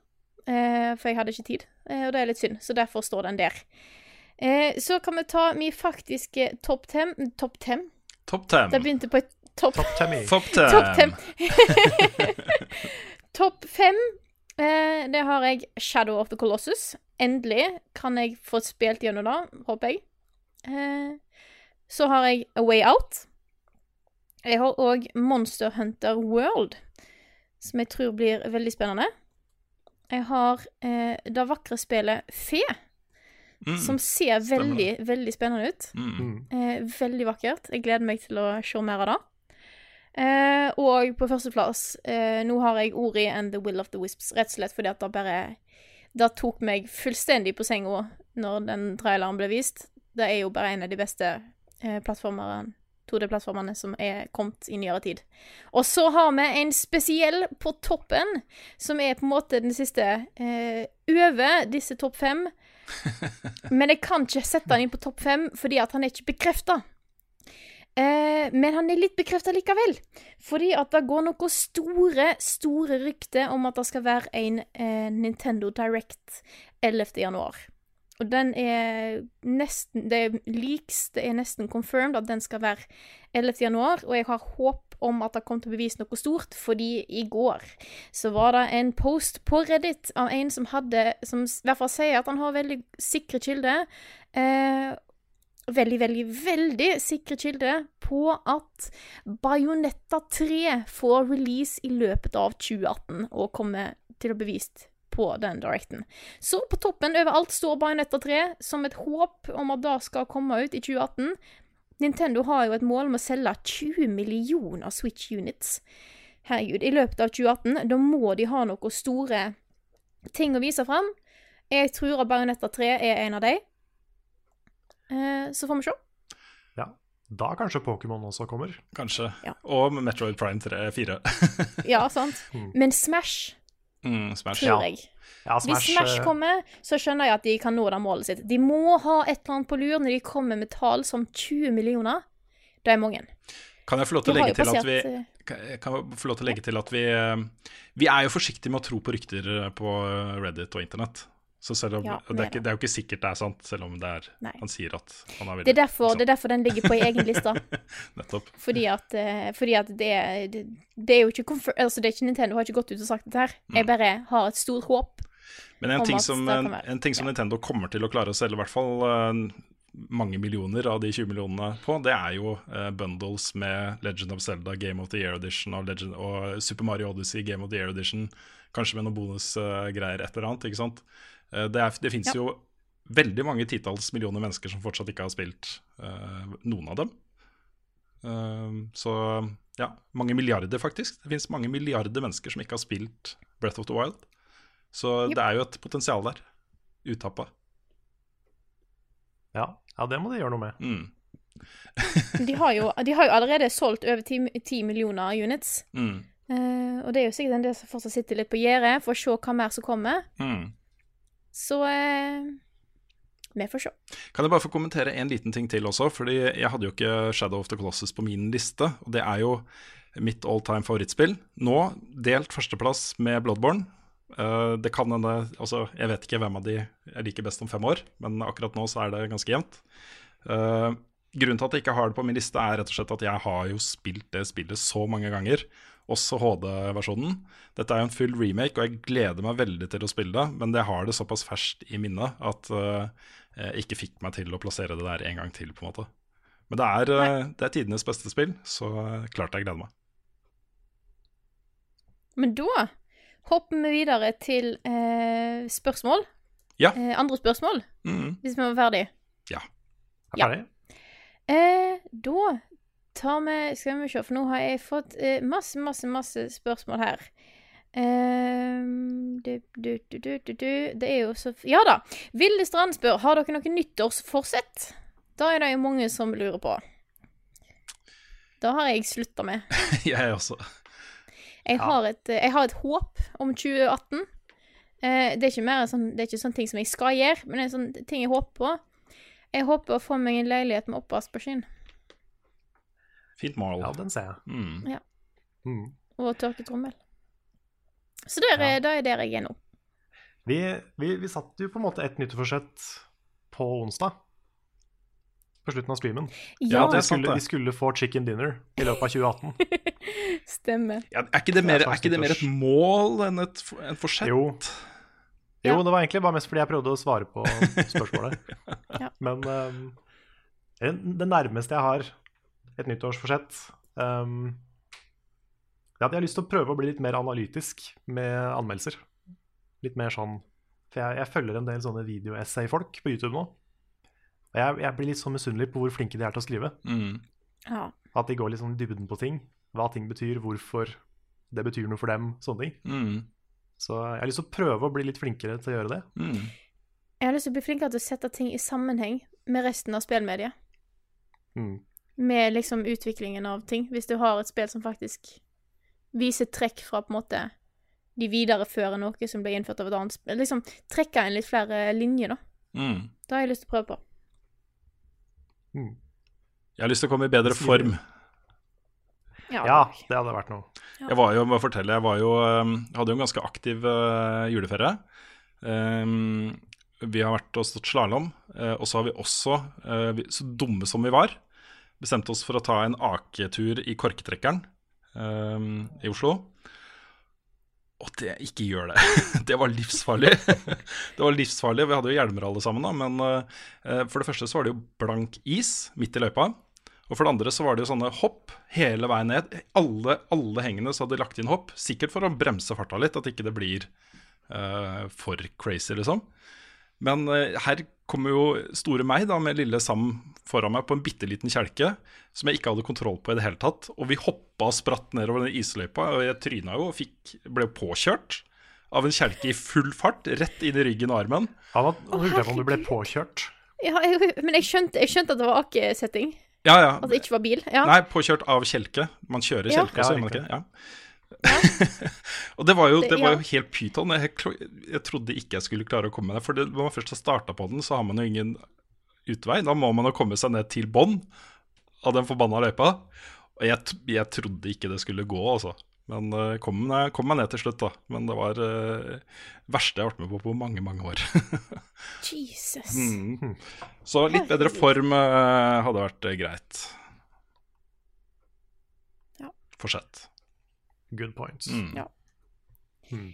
Jeg vil gjerne at Carl skal gjøre klar en liten sånn der, sånn der eh, lyd. Oi. Så mens han gjør det, så eh, da skjønner folk kanskje hva som skjer. Men først så tar vi et annet spørsmål her fra Fredrik Holanger, som spør Har dere et singelplayerspill som dere likte, men tok en pause fra, og aldri klarte å komme tilbake til? Sliter ofte med dette sjøl og føler ikke for å spille hele spillet fra starten igjen. Men jeg husker at Rune hadde et halvt års pause mellom første og andre del, andre del av The Last of Us, men virker ikke som det hadde noen negativ innvirkning på hva han syns om spillet. Ja, jeg Er dette ofte av jeg, jeg, mener han, jeg mener å huske at han har rett i det. At jeg kom fram til eh, det store storyskiftet i The Last of Us. eh, og så måtte jeg gi meg av forskjellige grunner, og så kom tilbake. Jeg tror det stemmer, men jeg er ikke 100 sikker. Um, ja. Ja. Men uh, The Witcher Ja. Witcher 3 hos. Witcher 3 jeg har spilt det fem timer ca. Uh, Elska det og tenkte dette gleder jeg meg til å se hvor, hvor det går. så, så ja, har det blitt liggende. Samme Mass Effect uh, 1 var det vel jeg begynte på, tror jeg. Eller to, husker ikke. Og et av de jeg spilte noen timer og tenkte ja, dette er bra, dette er noe for meg. Og så ble det aldri noe mer. Bloodborne hos meg. Hmm. I know. Og den er på en måte enda verre å sette seg inn igjen. For at jeg kom jo et stykke. Jeg, Ja. jeg, tror jeg skal ta rom, liksom. Men nå Nei, har da er det greit å ikke ta en lang pause. Nei, sant. For nå har jeg datt av. Nå mista du en enestående mulighet til å fortsette i romjula. Du vet det, ikke sant? Du vet det? Åh. Ja. ja. Nå Ja, trenger bare et lite korps som kommer og bare Åh, nei, så jeg har en ja, da, det- Den lista er jo så lang, vet du. Eh, Nino Kuni, blant annet, som jeg snakka om før i dag. Åh, nei. Mm. Witcher 3 og Bloodborne er vel de to som jeg er mest trist for at jeg, ikke faktisk, for jeg faktisk ikke kom meg gjennom. Ja, jeg pleier å spille storyen ferdig, nesten uansett. Men eh, det er ofte jeg tenker at ok, nå som jeg er ferdig med det spillet her, skal jeg kanskje anmelde noe annet. Og så skal jeg gå tilbake og 100% det forrige spillet. Og det skjer veldig sjelden at jeg faktisk gjør. Mm. Så det er ofte jeg enten glemmer eller ikke orker å gå tilbake til et spill etter at jeg liksom har blitt ferdig med det en gang. Da. Sånn som eh, Final Fantasy 15 har jeg ikke orka å egentlig sette meg inn i noe av DLC-en. Jeg har sett noe av det på YouTube, bare sånn for å få med meg storytinga. Men det å liksom starte opp et så svært spill igjen etter at du liksom er ferdig med det, det er litt tiltak. Mm. Det, da. Så um, det er kanskje mest sånne ting. Sånn etter rulleteksten-ting. Jeg merker det vel, The Last of Us. Jeg begynte på Jeg begynte på DLC-en. Eh, og så bare stoppa jeg, og så har jeg ikke tatt det opp igjen. Jeg, har tatt, jeg tok main storyen, jeg var jo fornøyd. Etter å ha brukt altfor lang tid på å faktisk starte på det spillet. Kom meg gjennom det. Så ja, det er litt synd. Too many er, games. Too many games. Er du klar, Carl? Jeg er klar, vet du. Ja. Nå Ja, klar. Ukens Sinnfår. Hva filmer ser dere fram til i 2018, og hvilken film fra 80- eller 90-tallet tror dere får en remake-annonsering i løpet av året? Det var litt morsomt med den der litt- mutinga på Discord eh, her nå. Så hørte jeg bare bom, Ja. bom, bom, bom. Ja, ja. Bom, Ja, for jeg trodde bom. Jeg mista faktisk noe, hvis jeg hørte bare bom, og så var det stilt, og så Ja. bam, til deg. Har du starta på Ja, nei, nytt igjen? Jeg skjønte bruke- ingenting. Jeg måtte bruke iPaden, eh, nemlig, fordi jeg hadde ikke telefonen min i nærheten. Og den var Nei. ikke høy. Nei. ah, okay. Så jeg ble egentlig ganske forvirra, for at jeg trodde du hadde stoppa den fordi at jeg begynte å snakke. Ja. Så da Ja. sa jeg noe, men så begynte han igjen, og så ble jeg forvirra for at han stoppa etter dag. Det var bare styr. Nei, ja, da ble men, litt eh, forvirra av ukens Sinfor-theme i Ja. dag. Ja. men det er i hvert fall eh, spørsmål fra Trond Sinfor Borgersen. Hva var det siste delen? Remakes, var det det? Av film? Ja, hva film, hva film fra 80- eller 90-tallet tror vi får en remake-annonsering i løpet av året? Jeg kan jo ta, en ta en jeg vet ja. kommer. Death Ja. Wish. Med Bruce Willis i hovedrollen. Det var jo, eh, det var jo en gammel actionklassiker. Det- Ja. Så, så den, eh, den tror jeg kommer. Men eh, hvis vi ser på noe på eh, filmer som kom i 2018, og da har jeg lyst til å begynne, sånn at ikke alle tar de som jeg har tenkt å si, fordi at det da er på en måte et problem. Men da tar jeg i hvert fall eh, Ready Player One, som kommer. Og eh, så gleder jeg meg veldig til eh, Jeg er en stor Pixar-fan. eh, og gleder meg til The Incredibles 2, som skal komme i 2018. Det er ikke sikkert den kommer til Norge i 2018, det er en tendens til å vente litt for å få det dubba på norsk og sånt, men release 2018. Ja, to eh, gode valg. Jeg har de på min liste også. Så ja. Hæ? Så fikk jeg tatt de. Nettopp. Ja. Fornøyd. Kan jeg, kan jeg ta over? Det kan du. Ja. Ok, for da setter jeg da Avengers Infinity War um, opp som en av mine. Og jeg vet at er- det er noen som har begynt å bli litt lei av Marvel-filmene. Men dette her er liksom Dette er en film som de har bygd opp til nå i over 20 filmer. Tror jeg. Har de holdt på en stund? Mm. Ja, de har holdt på en god stund. Dette er vel Jeg husker ikke om det er phase 3 eller phase 4 av Marvel, men uh, det er liksom Dette her er det som hele den Infinity War-greia har, liksom, har liksom de hatt som en sånn rød tråd gjennom hele storyen. Så jeg er, jeg er spent på hvordan de avslutter. Eller ikke avslutter, for det kommer jo enda en Infinity War-film. Men hvordan, hvordan den der begynner å snøre seg sammen, da. Så hvis, hvis det blir bra, så har de liksom sementert Marvel som en sånn der evig suksess. Hvis det, hvis det går dårlig, så Har de allerede tjent nok penger, så det går greit? Ja, det har de. Men jeg er spent på om liksom universet klarer å overleve at den filmen ikke er bra. da. Og det er sant. Ja. Så det er jeg litt spent på. Mm. Uh, og som min nummer to så har jeg satt opp oppfølgeren til Jurassic World. Ikke fordi jeg syns den første Jurassic World var kjempebra, nødvendigvis. Den var helt OK, syns jeg. Men jeg er spent på hvor de tar universet derfra. Fordi det var litt sånn som eh, Force Awakens. At eh, Jurassic World var liksom Jurassic Park på nytt. Mens eh, de kan ikke gjøre det igjen.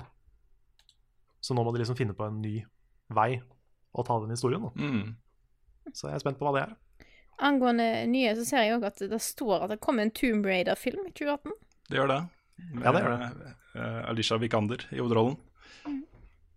Kan bli bra. Kan bli spennende. Mm. Ellers så eh, Det var egentlig vanskelig å finne filmer jeg gleder meg til. Ja, men det er, det er jo et lite problem for oss. Fordi jeg har ikke noe full oversikt over hva som kommer av filmer i eh, tiden framover. Jeg er litt sånn Oi, er den på kino? Den har jeg jo kjempelyst til å se. Sånn er jeg litt, da. Eh, Har et Ja, mye, mye nærere forhold til spill. Mer oversikt der. Men film så uh, ikke fullt så god oversikt. Så hvis vi har glemt noe, hvis noen sier noe sånn Ja, men den filmen der, da! Så gleder vi oss helt sikkert til den. Vi har bare ikke fått det med oss. At det Ja, men jeg har, noen, jeg har noen som dere ikke har nevnt. Ja. Um, og først og fremst da uh, Guillermo del Toros The Shape of Water kommer nå i februar Ah, til ja. Norge. Ja, stemmer. Den Stemmer. har jeg bare hørt fantastiske ting om. Gleder meg vanvittig til å se den. Uh, og jeg vil også å legge til at han har regien på en annen film i år også, som kan bli bra. Pacific Rim 2. Så Ja. shit. Mm. Jeg likte den første. Jeg også likte den første. har så mye Jeg har så mye science-problem med den filmen. Jo, jo, men Den filmen ja. gir så mye ting som ikke er greit, Mm. sånn science- og kjemimessig, uh, at jeg sliter litt med den. Men ellers er det en bra film. Ja. Jeg liker òg at du ikke tok vann Du sa at du gleder deg vanvittig til Shape of Water, og det var ingen som reagerte på joken min, så jeg vil bare påpeke den en gang til. OK. Å, jeg fikk ikke med meg. I approve. Nei, I approve. Ja, det var, var fin. Var fin. uh, vil også nevne Annihilation, som er nye filmen til Alex Garland. Han hadde jo den fantastiske Nex, eh. Um, oh. Dette er en ny, uh, litt sånn mystisk sci-fi-film med Natalie Portman i hovedrollen. Uh, handler om en naturkatastrofe uh, under mystiske omstendigheter, som hun leder en ekspedisjon dit for å finne ut hva som egentlig har skjedd. Kan bli bra. Uh, Kult, kult. Gleder meg veldig til en film som heter Isle of Dogs, som er fra Wes Anderson. Det er en sånn stop motion-animasjonsfilm. Eh, det var han som lagde The Fantastic Mr. Fox. Har dere sett den? Nei. Nei. Nei, Den er kriminelt bra. Dere må bare se den. den dere må bare se Den Den er dritbra. Og jeg tror eh, altså det jeg har sett av den her også ser kjempebra ut. Um, og så er det en film som heter God Particle, og det er faktisk tredje filmen i Cloverfield-serien. Um, Nice. Jeg har fortsatt bare sett den første. ah, den andre også er kjempebra. Og Aksel Hennie har faktisk en liten rolle i God Particle, så ja. Hmm. Eh, jeg har satt opp Oceans 8, som er Oceans 11 og to- og 12, men bare med kvinnelige uh, hovedpersoner.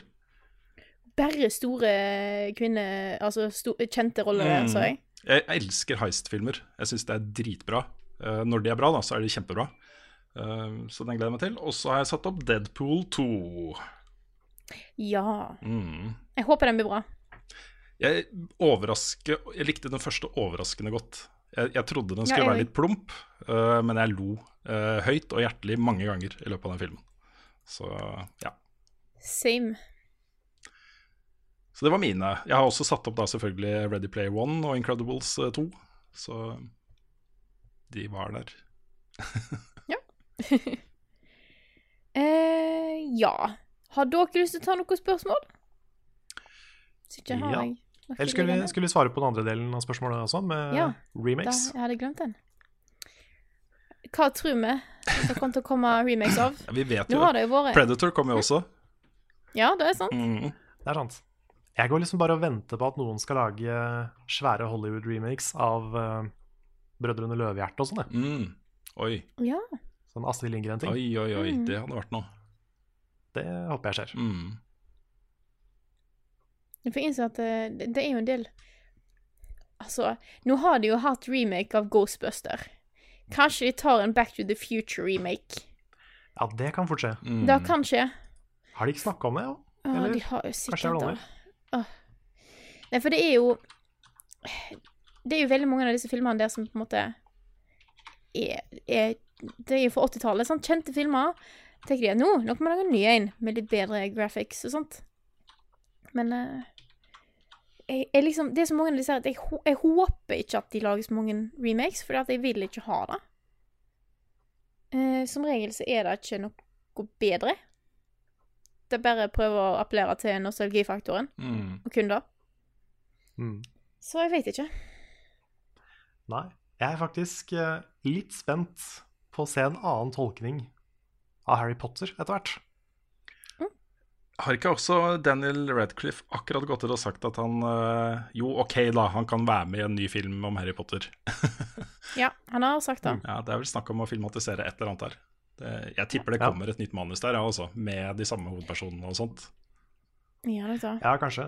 Men jeg, nå tenker jeg sånn faktisk en reboot, da. Mm. At de f.eks. som en TV-serie går gjennom alle bøkene. Å, shit, ja, det kunne de gjort. De er litt for ikoniske, de filmene fortsatt, tror jeg. altså. De Gi er det det. ti år til. Ja, det, det, ja, det må nok vente litt til. Ja. Jeg mener ikke at de skal gjøre det nå, liksom. Men jeg har, jeg har lyst til å se noen andre tolke de bøkene, liksom. Mm. Ja, for det jeg tenker på, er at jeg syns at første filmen ble laga så utrolig bra.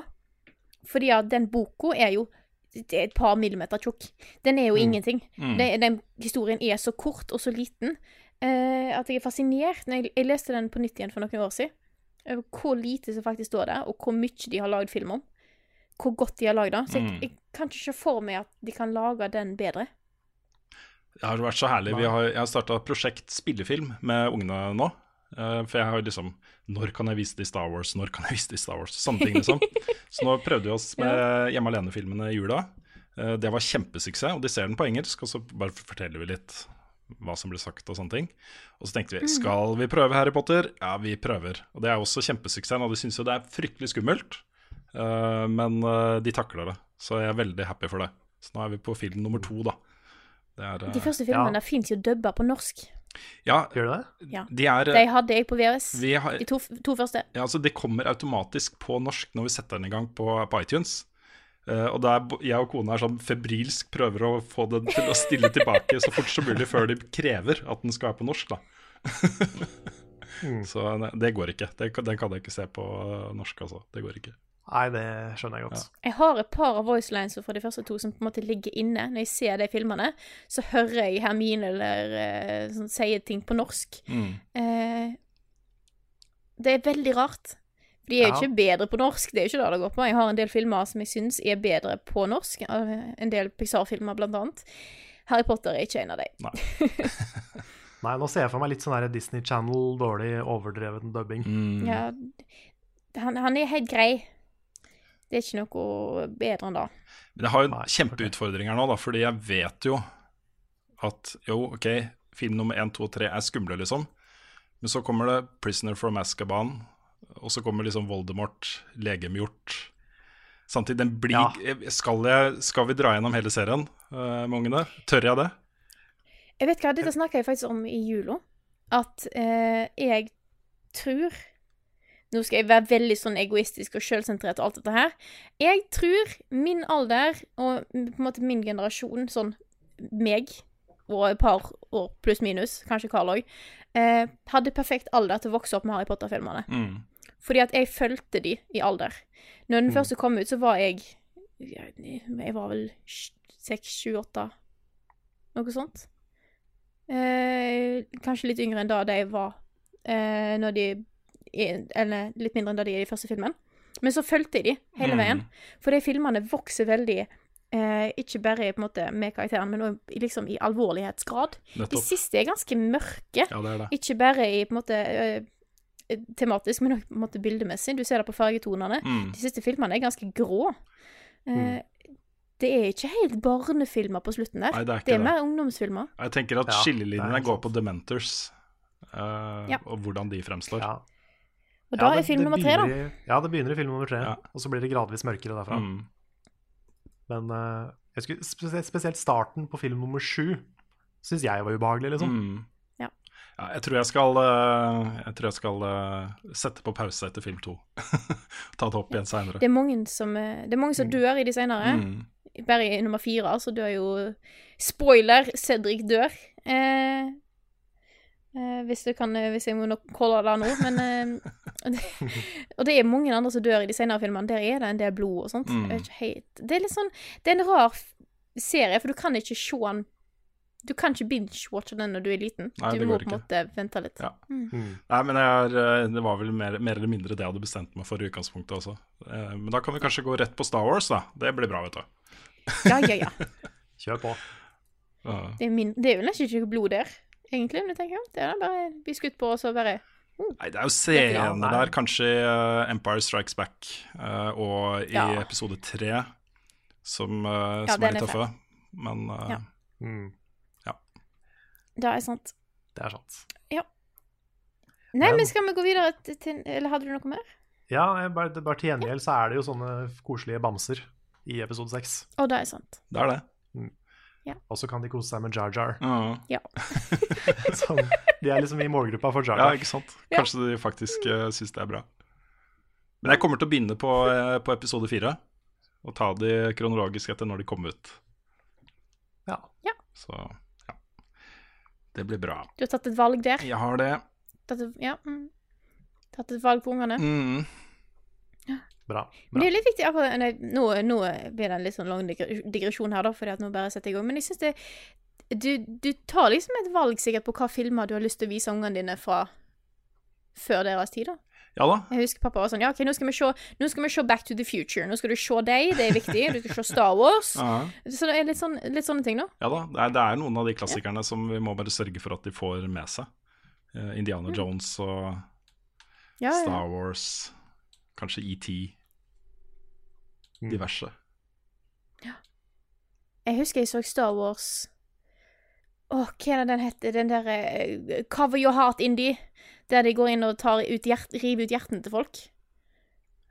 Ah, du tenker på Indiana Jones-tempel Ja, stemmer det. Da Ja. Ja. Den så jeg for tidlig. Den Jeg husker da Jeg syntes det var skikkelig ekkelt da at de gikk inn og reiv ut Ja, hjertene den er ganske Da, forferdelig. var, da traff meg litt. Så den, eh, den husker jeg så for tidlig. Mm. Kalima. Men in Black Kalima. så jeg for tidlig. Hm? Men in Black så jeg for tidlig. Mm. For det, det var sånn, Spesielt den første scenen med han der eh, bondefyren Ja, som blir drept og overtatt av den Ah, alien-greia. Da, var jeg- da var jeg traumatisert i en uke. Mm. Jeg har fortsatt ikke sett den, jeg. Nei, nå går det bra. Mm. Jeg tror jeg er voksen nok nå. Ja. Jeg var ikke det da, men eh, nå går det fint. Jeg tror kanskje du har sett den, men noen har blinka en sånn stang i ansiktet ditt som gjør at du har Helt sikkert, det. Ja, Ja. riktig. Nei, men da er det på tide at dere kan få lov til å velge ut noen spørsmål. Tenker jeg. Ja. Ja, jeg har et, Så bare overlater jeg mine ans min, mitt ansvar til dere. jeg har et her fra Daniel Kvien som jeg tenkte å bare ta litt kjapt. Uh, det er til meg. Eh, han skriver Mener du sa en gang at eh, du startet i VG rundt 95, det var 97. Eh, var det 100% spill du skulle dekke fra dag én, eller dekket du andre sjangere også i starten? Å lage en 100% stilling for spilldekking tenker jeg ikke var særlig sannsynlig den gangen. Hvordan ble spilldekkingen tatt imot innad i VG på den tiden, er noe jeg i tillegg lurer på. Og så skriver han, husker godt fra tidlig i tenårene da jeg leste de små anmeldelsene i papirutgaven av VG, mener det var på lørdager. Um, I starten så skrev jeg anmeldelser på fritida. Eh, jeg var frontredigerer. Vi var liksom to stykker som satt og redigerte forsiden av VG-nett. Eh, jeg var en av de, og så ble vi tre, og så var jeg fortsatt en av de, og så gjorde jeg det noen år. Men ganske parallelt så fikk jeg ansvaret for spillsiden i VG, og i starten så var det to sider en gang i måneden cirka. Eh, hvor jeg da og en frilanser, eh, og det var da eh, forskjellig eh, litt fra år til år. Noen var et par-tre år, og uh, Jon Cato var innom der en periode, uh, f.eks. Um, og så fikk vi da fast side i papiravisa og fast seksjon på VG-nett, og det var rundt da, sånn tidlig 2000, uh, at jeg gjorde det på heltid. Men jeg har liksom dekka spill hele tiden. Eh, og jeg tror det ble tatt imot ganske bra. Jeg tror eh, det var mange som tenkte at eh, det var flott. VG hadde i hvert fall én person som skjønte noe av dette her, som kunne ta litt ansvaret og dekke det området for de, les de av leserne som var interessert i det. Uh, men samtidig så var det nok en del også som, uh, som ugleså det litt. Rann. Var sånn, Hva i all verden er dette lekegreiene her som Hvorfor skal vi dekke det, liksom? Vi har jo opplevd noen av de holdningene også, men sånn generelt sett, i hvert fall de som bestemte, uh, var på laget vårt, føler jeg.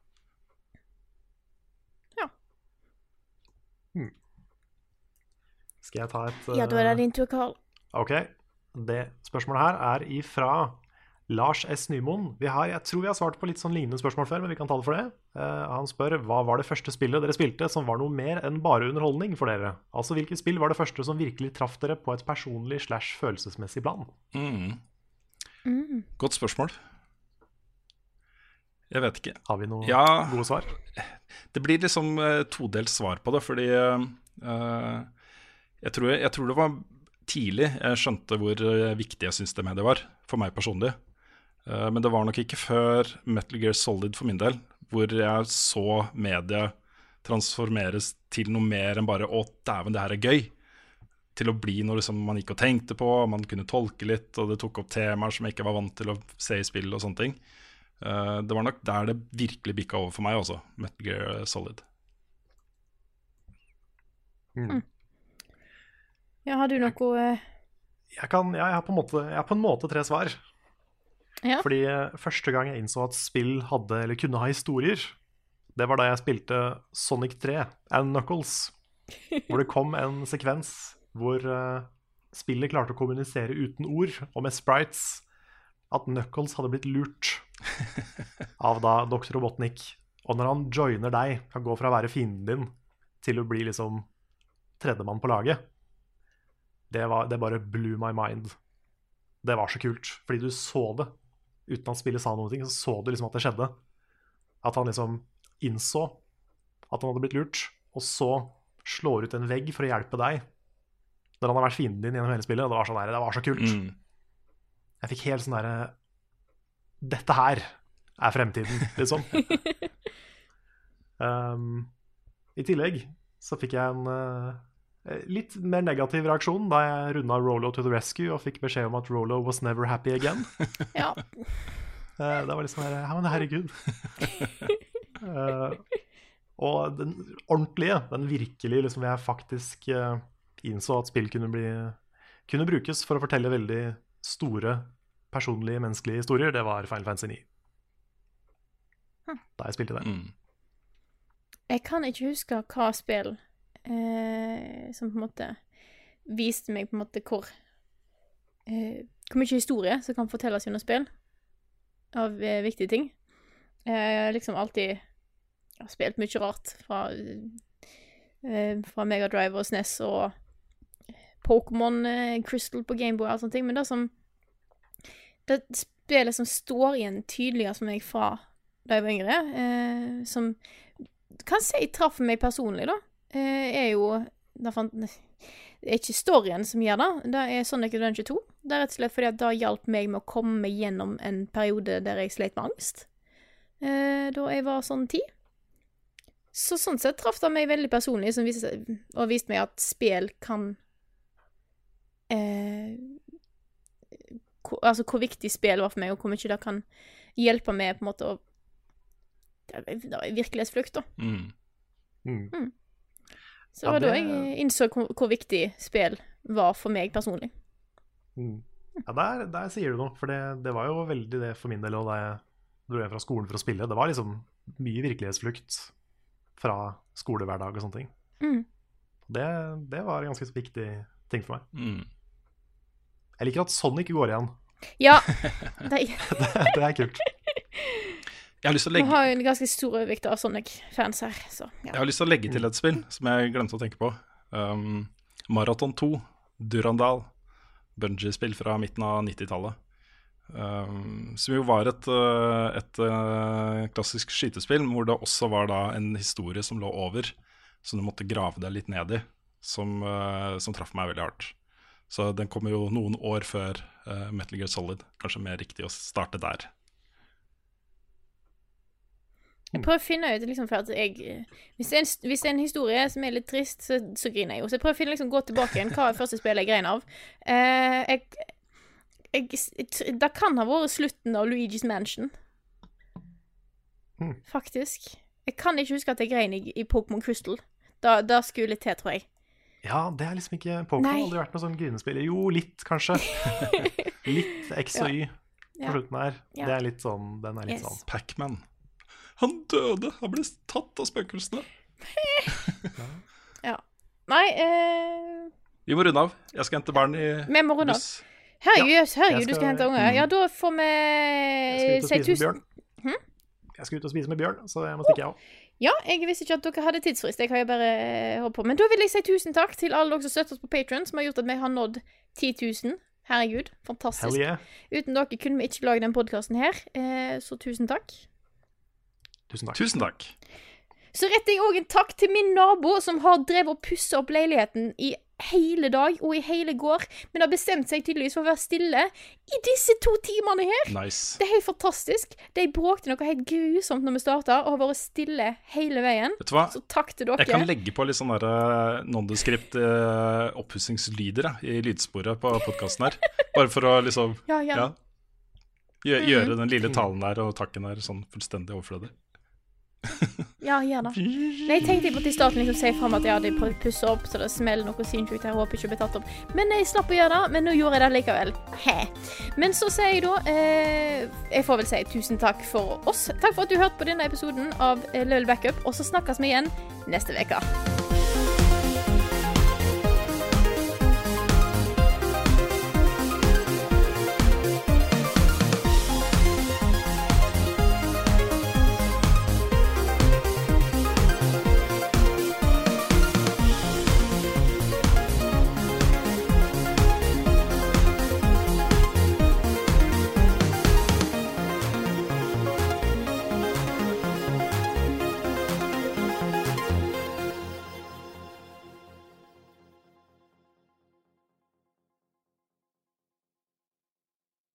Har du et enkeltpersonforetak eller en liten bedrift? Da er du sikkert lei av å høre meg snakke om hvor enkelt det er med kvitteringer og bilag i fiken, så vi eh, gir oss her, vi. Fordi vi liker enkelt. Fiken superenkelt regnskap.